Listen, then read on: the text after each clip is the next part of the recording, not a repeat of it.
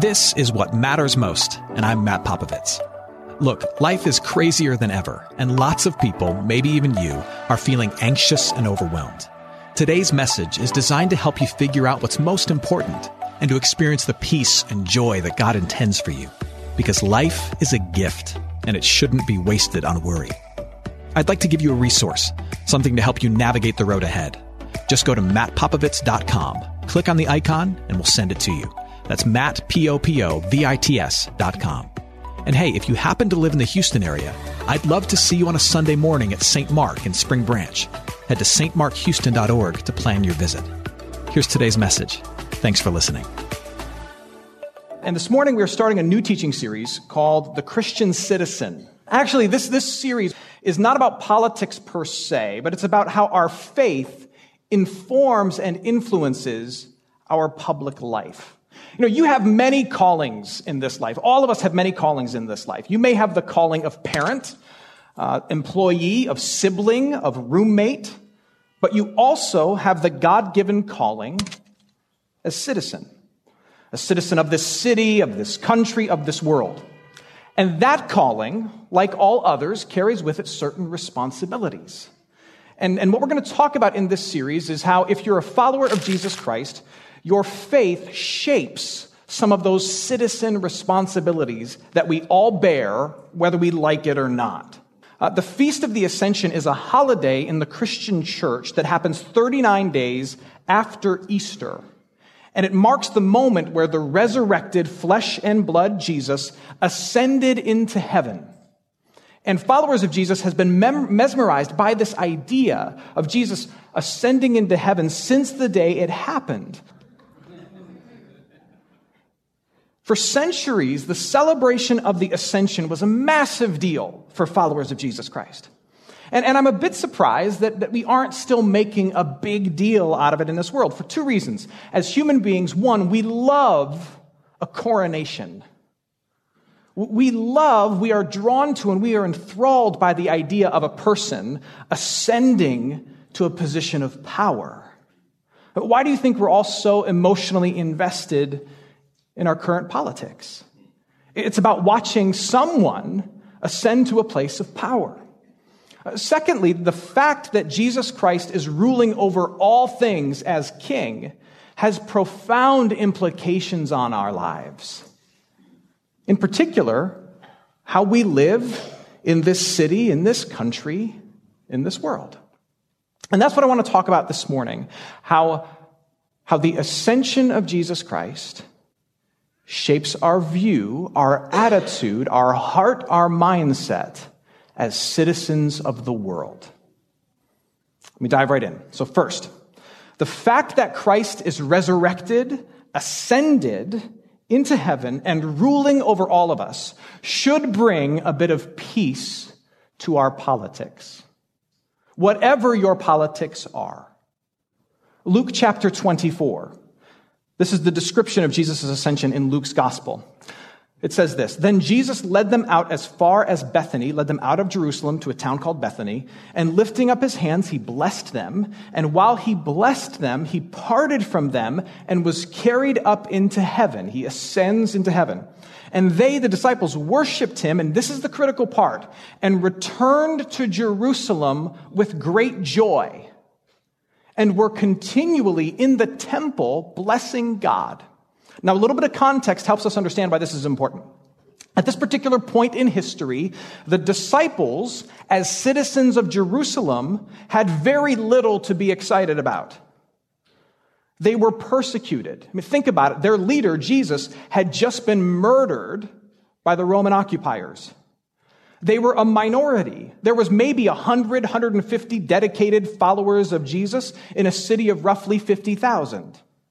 And their message of offensively free grace, that God just forgives whoever needs forgiveness, which is everybody, by the way, that God just forgives people liberally all over the place, and it's available now to everybody through the cross, that message was countercultural to a religious institution that said, no, God doesn't just forgive. You got to show yourself worthy of forgiveness.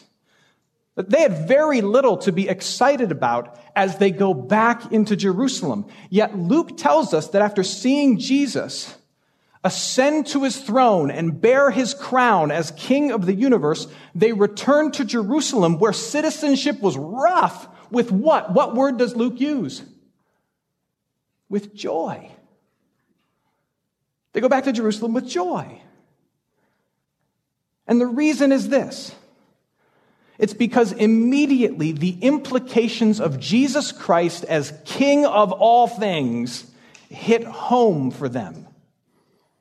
The same Jesus who loved them, who lived with them, who gave his life for them, who rose from the grave for them, was now in the ultimate position of power over all of them. Imagine for a moment if, if your brother or sister was elected president of the United States. Now, just get over the fact that, that, that your brother or sister may have some special issues. I get that. Same is true in my family. But just imagine for a moment that despite all those special issues, your sibling, someone that knows you really well, who loves you a lot, is suddenly the most powerful woman or man in the world. Things could be going bad in your life. But you've always got this truth to rely on. I can always call my brother.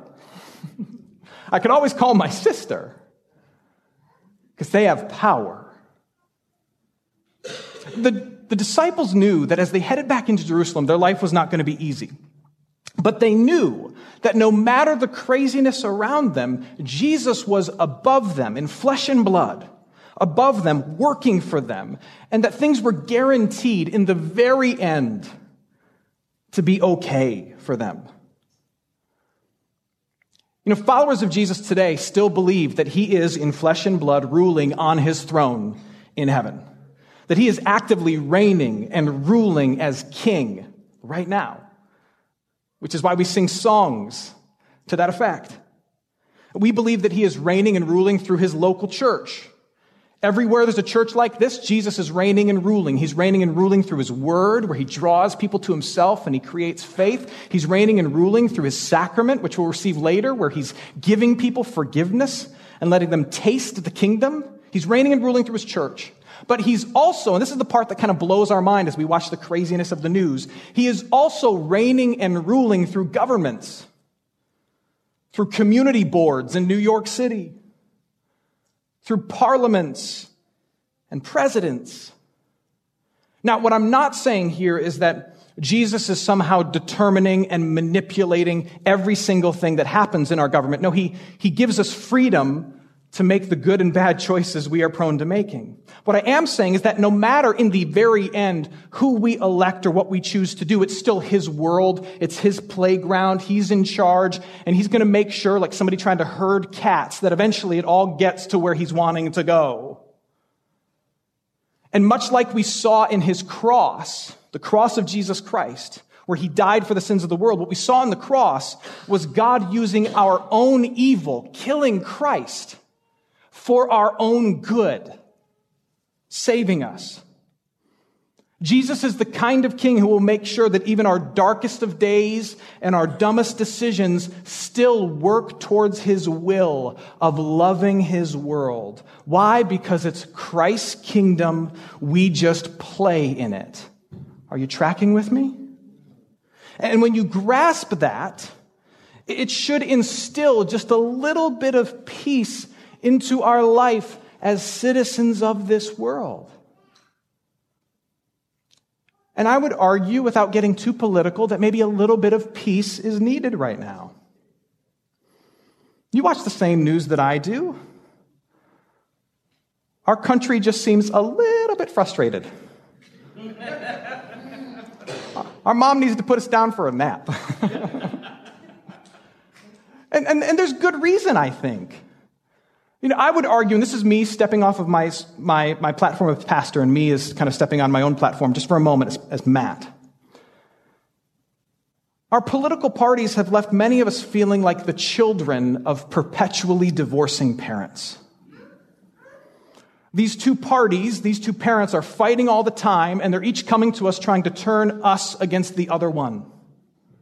And they're always making promises and constantly breaking them. And then they get mad when we grow up to reject both of them and embrace some extreme. That's understandable. But people of faith, we get to live in Jerusalem with joy. Because no matter what, Jesus Christ, our brother in flesh and blood, is on the throne. It instills just a little bit of peace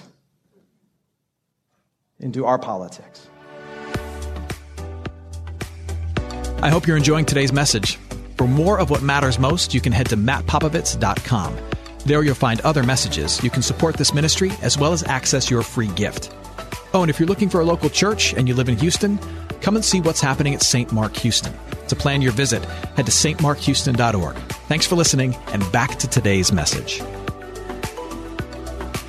The second thing that the ascension of Christ does is that the ascension of Christ in the heart of the follower of Christ, not in the heart of anybody else, but, but in the heart of the follower of Christ, gives priority to God's will. Gives priority to God's will. Listen to what Paul says in the New Testament book of Colossians. Colossians chapter 3, it says this Seek the things that are above, where Christ is. In other words, be focused on the fact that he is king of the world, seated at the right hand of God the Father. Set your mind on things that are above, not on things that are on earth. Now, Paul says that, that we are to keep our attention and our focus on Jesus Christ the King. And we should focus on things as, as as we go through our daily lives, we should not be disengaged from the world around us, not at all. But he's saying that a portion of our heart should be focused on things that matter to Jesus. And it makes sense. If Christ is king of everything, then his will and his plans and his words and his values are not just good ideas, they are divine decrees that demand attention. And this is important. It's important because sometimes as Jesus Christ is reigning and ruling in this world, reigning and ruling through the church and reigning and ruling through all the different strange forms of government that he allows to be set up, as he's reigning and ruling in this world through us in our callings and through other people in their callings, it'll become clear that we or others at certain times are out of step with the king's will.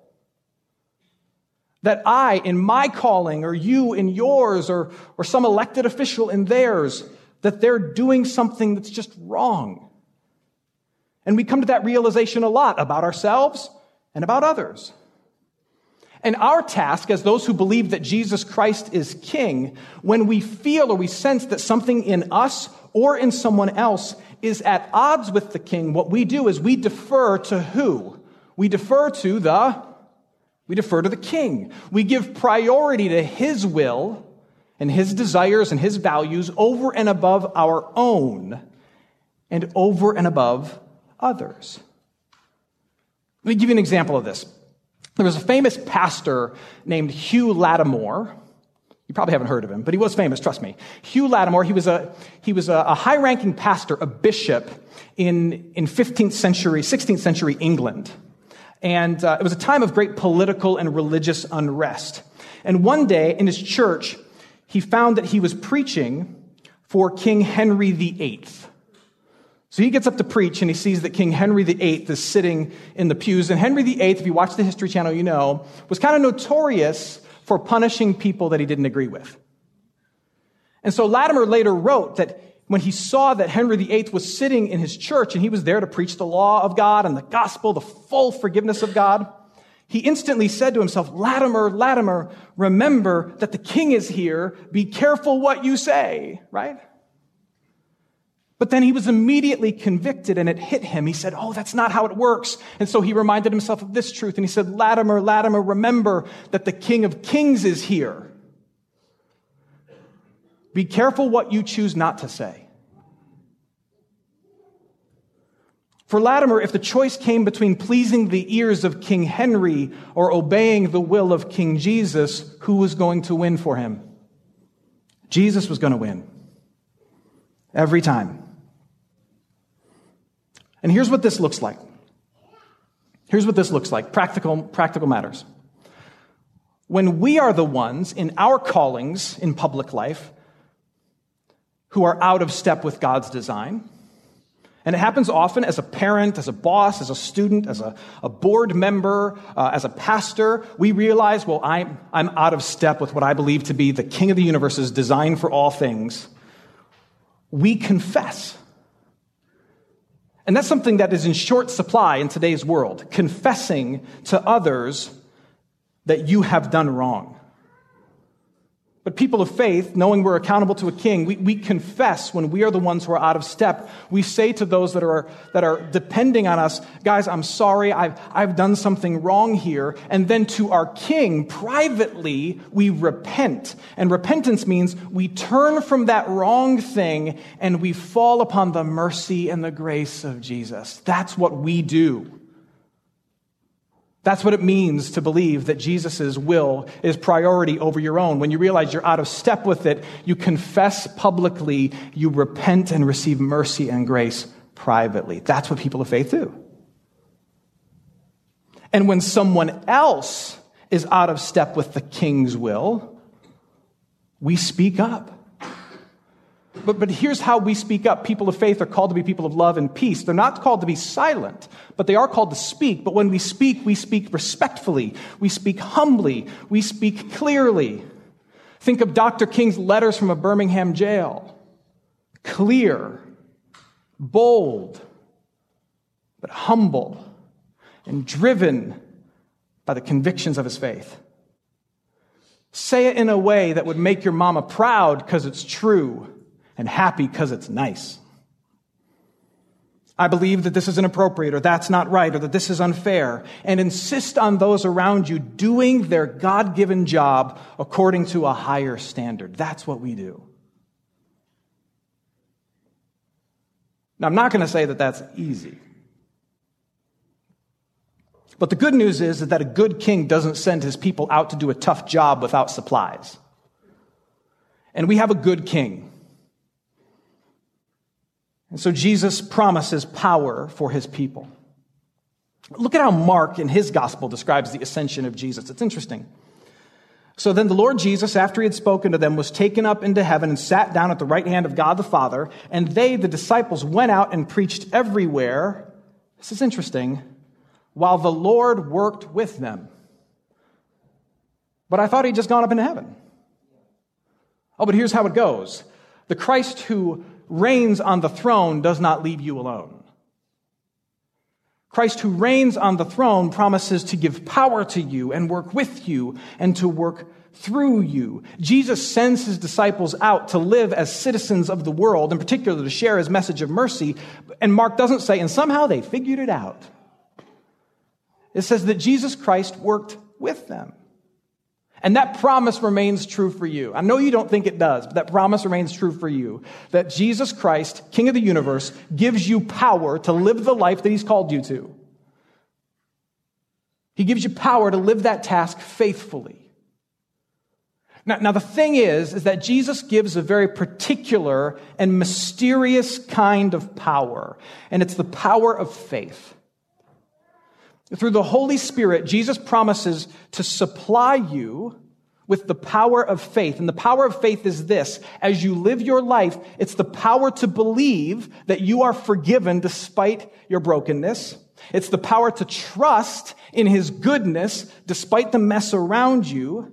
And the power to see that He is reigning and ruling over all things, even though it's a mess in this world in so many things. It's the power to see your forgiveness, His goodness, and His presence reigning and ruling in this world. It's the power of faith. Now you might think, well, what good is that kind of power?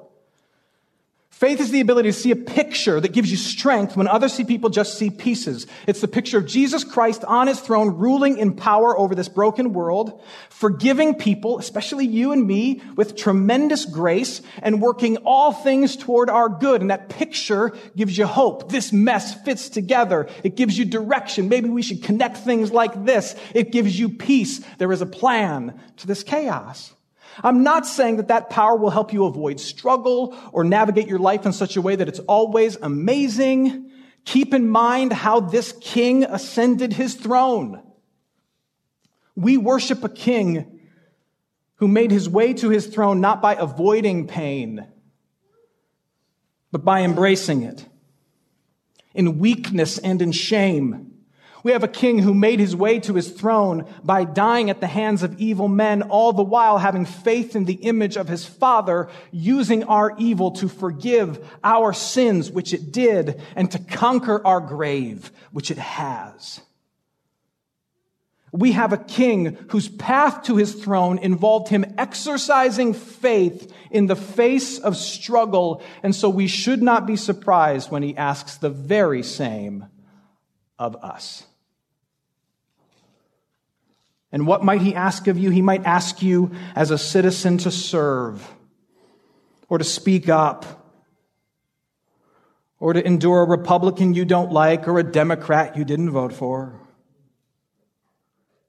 But he promises that he will give you the power to keep your eyes on the top of the box, full of faith that he's the king, that we are loved, and that it's all going to be okay. And in a world of chaos and fear, that kind of confidence and clarity is attractive and mysterious, and it is powerful. Lastly, with Christ ascended as king, it brings a uh, strangeness, a peculiarity to the lives of those who believe it. I mean, think about it. If you take this belief that Jesus Christ in flesh and blood has ascended to the throne and he is reigning and ruling right now through all the craziness that we see, if you press that belief into the corners of your life with all of the implications, it will change you in ways that make you stick out and seem kind of strange in this world. Think about it. Rare are those that embrace their role as a citizen of the world and what they see on the news every night with great attention. It's my calling to care and great peace. God's got this. Rare are those who publicly apologize when they fail a higher standard and who clearly but humbly step up and speak up when they see others fail it. That's strange. But we live in a strange time.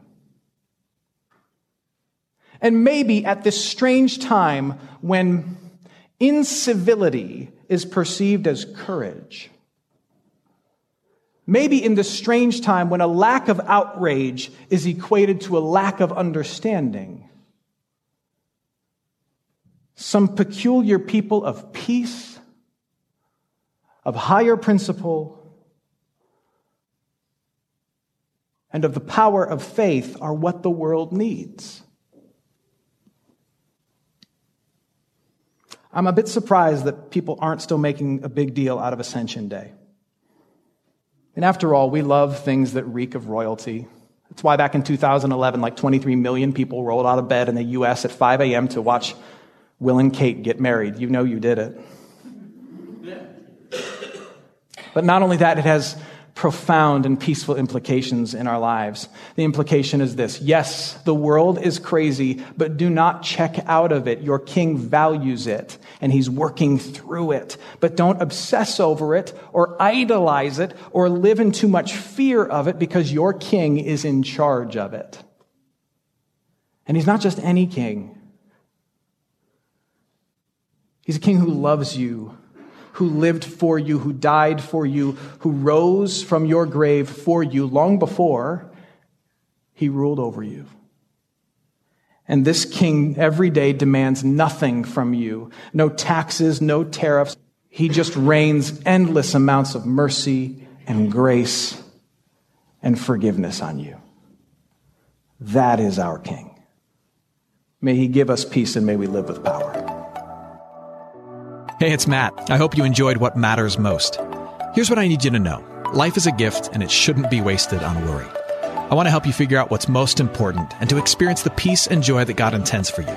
So, for more content, you can head to mattpopovits.com. That's Matt, P O P O V I T S.com. There, you can also support this ministry as well as access your free resource, a little something to help you navigate the road ahead. I'd also love to see you on a Sunday morning. If you're in the Houston area, head to stmarkhouston.org to plan your visit. In the meantime, Hit me up on Instagram at mpopovits or at facebook.com slash Matt Popovits Ministries. Thanks for listening. Now go and hold tight to what matters most.